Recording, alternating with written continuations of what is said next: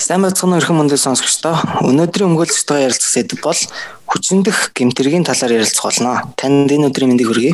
Оо сайн байна. Чамд ч бас энэ өдрийн мэндийг хүргэе. За баярлалаа. Сэдвийнхээ өрөөнд асуухад хүчиндэх гэмт хэрэгтэй холбоотойгоор хуулинд ямар зүйл залтай байдаг вэ? Мөн ямар төрлийн яс шийтгэл оногдуулт юм болоо? За ер нь асуултын өрөөнд бол мэд хүн сайн ер нь ингээд нийгмээрээ масаараа ярьдаг хүчнтэх гэмтэргийн талаар бол янз бүрийн юм бол ярьдаг тийм ээ. А тэр ч утгаараа бол энэ хүчнтэх гэмтэрэг маань өөрөө бас хүний ёс зүй бэлгийн эрх чөлөө халдшгүй байдлын эсрэг гэмтэрэг дотор ордог учраас тусгаасан зохицуулт байгаад байна. Тэгэхээр эргэн хуулийн 12-ийн 1-д буюу нэгдүгээр зүйлд хүчнтэх гэмтэргийн талаар бол тусгаалan заасан байна.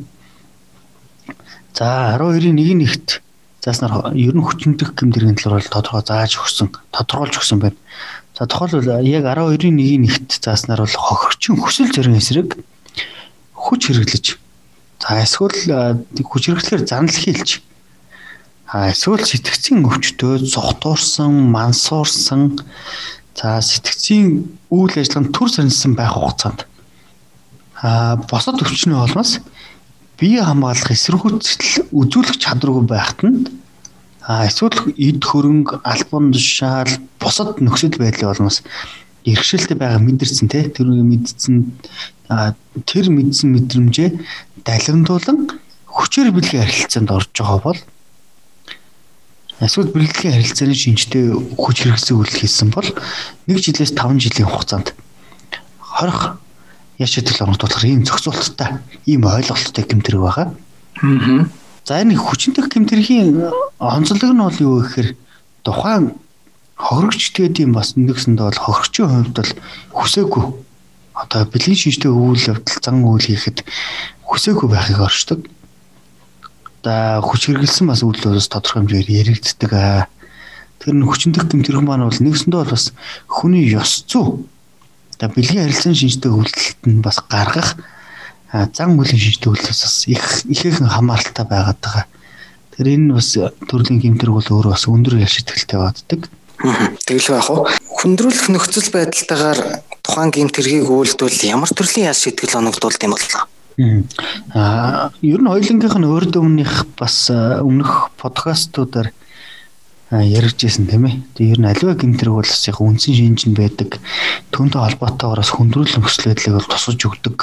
Энэ өөр гэмтрэгийн шинжээс нь хамаарч харилцаа адилгүй ялгамжтай яа шийтгэл оногдуулахад бас оршиж идэг тийм ээ.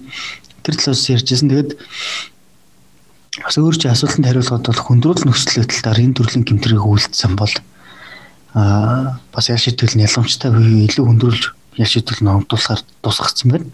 За тухайлбал энэ эрэг хуулийн 12-ийн 1-ийн 2 дугаар зүйлд энэ гинтрийг дараах одоо нөхцөл байдлаар үйлдсэн бол гэж заасан байдаг.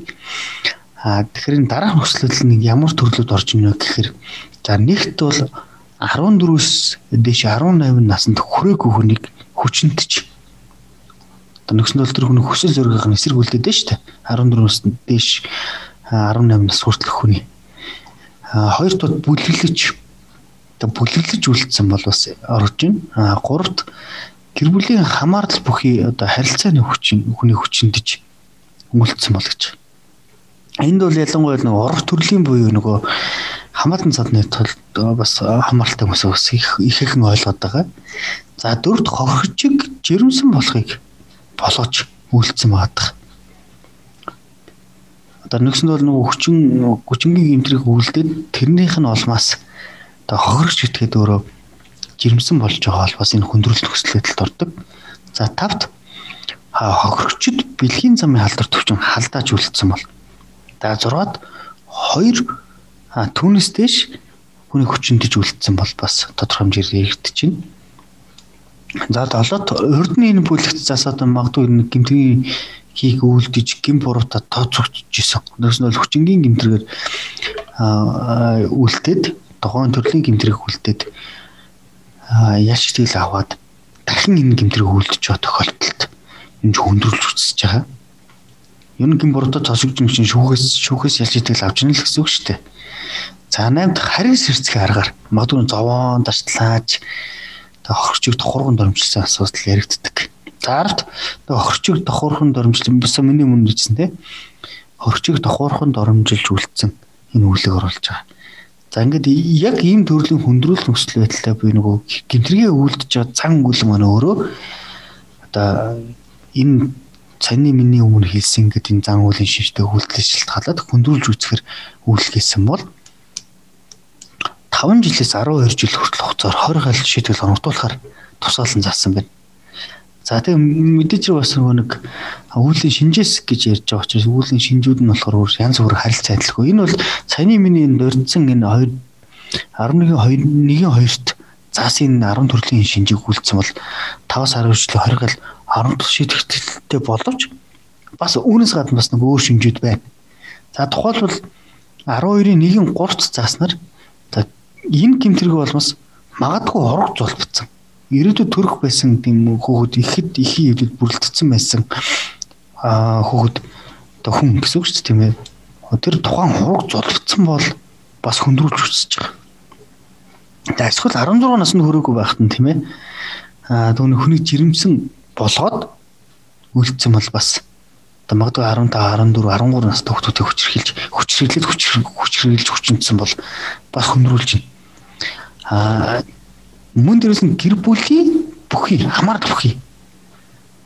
Тэр хамаарал бүхий хүн 16 насны хүрээгүй байх юм бол энэ төрлийн одоо саний миний хийсэн те гурван шинжээр үлдсэн бол 8 жилээс 15 жилийн хугацаар 20 хэл шитгэл байгаа. За тухайлбал одоо энэ эргүүлээ 12-ийн 1-ийн 3 цасын шинжүүдээс олон хэрэгдэг. Тухайлбал тухайн хүчнэх гэмтрийг үйлдэж яхад жирэмсэн байсан. Одоо 1-ээс 3 сартаа ч юм уу жирэмсэн байсан. Хүчингийн эмдэр үлдлээ тухайн хург зулчихж байгаа. Бас өмнө хэллээ ш нь нөгөө ирээдүйд төрөх хүн байх байгаа. Тэгээд дараачаар нь нөгөө 16 наснд төрөөгүй. Бас хүний бас бие физиологийн асуудал хэрэгсдэг тийм ээ бас хүн нас бие хуржиж бас нэг хүүхд төрүүлэх асуудал ярьдаг. Гэтэл нөгөө эмэгтэй хүний бас нэг бие физиологийн асуудал байдаг. Тэр дундаас нэг эрт бас жирэмслэх боломж нь бас харагддаг. Гэтэл энэ нарийн нандин энэ насан дээр нь жирэмсэн болоод үлдэж байгаа нь өөрөө бас хөндрүүлж үзээд байгаа. Бүр илүү нөгөө саяны дээр хоёрт заас нөгөө нэг хөндрүүлэх бүрэлдэхүүнсийг илүүтэйгээр бүр хөндрүүлж үзээд байгаа жишээ нь. Тэгээ яалч идэл нөгөө өөр нь шүү дээ, тэ? Өмнөх нь бол 5-аас 12 жил байсан чинь энэ дэр бол 12-ийн 1-ийн 3-т зааснаар тэр 8 жилээс 15 жил хүртэл хүндрүүлж үзээд байгаа.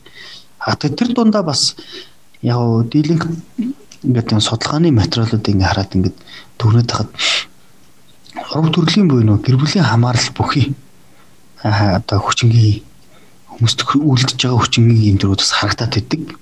Тэгээд тэр хамаарал гэр бүлийн хамаарал бүхий хүмүүст үлдээд байгаа үйлс нь өөрөө 16 наснд хүрээгүй байх юм бол бас энэ залт руу ороод. Тэгэхээр сая миний хэлсэн ураг зулбсан 16 наснд хүрээгүй нэг жирэмсэн болгосон гэр бүлийн хамаарал бүхий 16 наснд хүрээгүй нэг хүчнэсэн бол илүү өндөр ял шийтгэл авахар байна гэж. За сая миний хэлсэн нөгөө 11 12-ийн нэгдүгээр зүйлийн хоёр дахь хэсэгт заасан энэ 14 зүйлээс илүү хүнд яаш зүйл нутуулахар байх шүү гэж тусгаал бас заасан. За бас мөн дээрэс нь илүү хүндрээд бас заалтууд орцсон байна. Тухайлбал 12-ийн 1-ийн 4-т зааснаар энэ гимтрийг бага насны За бага насны гэдэг нь бас нэг хэдүүлэн нэг өмнөх подкастаар нөгөө хүнийг алах гимтрийг дурлал ярьжсэн тийм ээ. Аа насны хүүхдийн эсрэг үлдсэн бол бас хөндрүүлж байна. За мөн дээрэс нь магадгүй хүчингийн хэрэг өгүүлдэж чад тухайн хохирогч нь асуурсан бол 12 жилээс 20 жилийн хугацаагаар за эсвэл бүх насаар хорих айлж шийдэхээр ингээд заатсан байна. Тэгээ яашид л илүү хүнд болоод шүү дээ тийм ээ. Ийм зохицуулттай бас их өрхмөц харилцааг зохицуулж идэг ийм төрлийн гимтэрэг байна. Эргэн хуульд маань бол санкцийн хувьд бол явц төдлийн хувьд бол ийм дараах төрлүүдэр ингээд тоогдсон байна. Базад хэлцүүд базад хэлгээд бол 12-ийн 1-ээр зөрчлөгдөж байгаа бол хүчнэх гэмтрийн аа 12-ийн 1-ийн 1-р зүйлд зааснаар зөрчлөгдөж яшидэл авах гэж байгаа юм бол 1-ээс 5 жилийн хугацаанд 20 хол оногдуулахар шийдэх шийдэгдэх нь харин 12-ийн 1-ийн 2-т заасан 10 төрлийн бас нэг хөндрөл нөхцөл байдал төр үлдсэн бол 5 жилээс 12 жил хүртэл хугацаагаар 20 хэл а 20 хэл шидэхтгэр зохицуулалтал орсон байна. За 12-ийн 1-ийн 3 дугаар зүйлд зааснаар яшидгэл оногдуулахаар ингээд заагдсан бол 8 жилээс 15 жил хүртэл хугацаагаар 20 хал шидэхтгэр зохицуулалт орсон байна. За эцэст нь 12-ийн 1-ийн 4-т заасан яш одоо зүйлчлэлэр буюу яшидгэл авахаар зохицуулалт орсон бол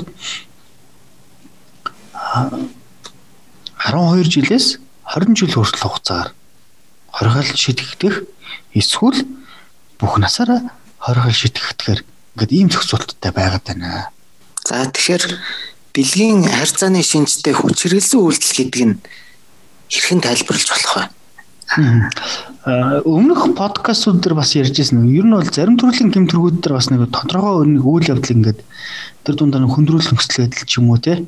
Тухайн гэмтрийг бас нэг ойлгох ойлголтыг өгөх зорилготоор нэг эрэг үйлдэл тусгаалan бас нэг тайлбарт орсон магаддаг. За энэ тайлбарын бас нэг жишээ нь бол энэ төрлийн 12-ын 1-р зүйл буюу хүчин тэх гэм тэрэгтэр бас тусгаалan заасан тайлбар байгаа. За энэ бэлгийн харилцааны шинжтэй хүч хэрэглэсэн үйл гэдгийг ойлгоход бол хохирчийн биеийн одоо аль нэг хэсэгт та нөгөө одоо магадгүй хүч хэрэглэж байгаа хүн биш тийм ээ. Одоо хүчин үлдэж байгаа хүн бэлэг эрэхтэн оруулсан байхыг За эсвэл нөгөө хохирчин бэлэг эрэхтэнд одоо өөрийн бусад эрэхтэнд аа нөгөө нөгөө зүйл оруулсан ойлгом. Жишээл одоо бид их нэг хараад байдаг нөгөө порно сайтууд руу оронгуутал нэг юм тоглоом моглоом хэрэгслүүд байгаад харагдаад байдаг тийм ээ. Яг тэрийг л тухайн хохирчийг зөвшөөр зөвшөөрөөгүй байхад нь тэр хэрэглээд ингээ оруулаад на биений аль нэг хэсэгт оруулаад байна гэсэн үг шүү дээ оруулаад ингээд үлдээд тахыг л ойлгоод байгаа гэж тайлбарлаад байгаа. Энэ үрээд подкаст маань өндөрлж байна. Зөвлөгөө өгсөн өмгөөлөгч чулуун гэрэлтэй баярлалаа. 7 хоног бүрийн 5 дахь өдөр болгон подкаст маань орхолно. Та бүхэн маань ярилцсан сэдвтэй холбоотой сэдвээр зөвлөгөө авах бол доор дурдсан пэйж хуудас болон утасны дугаараар холбогдож болно. Анхаарал тавьсан явдалд баярлалаа.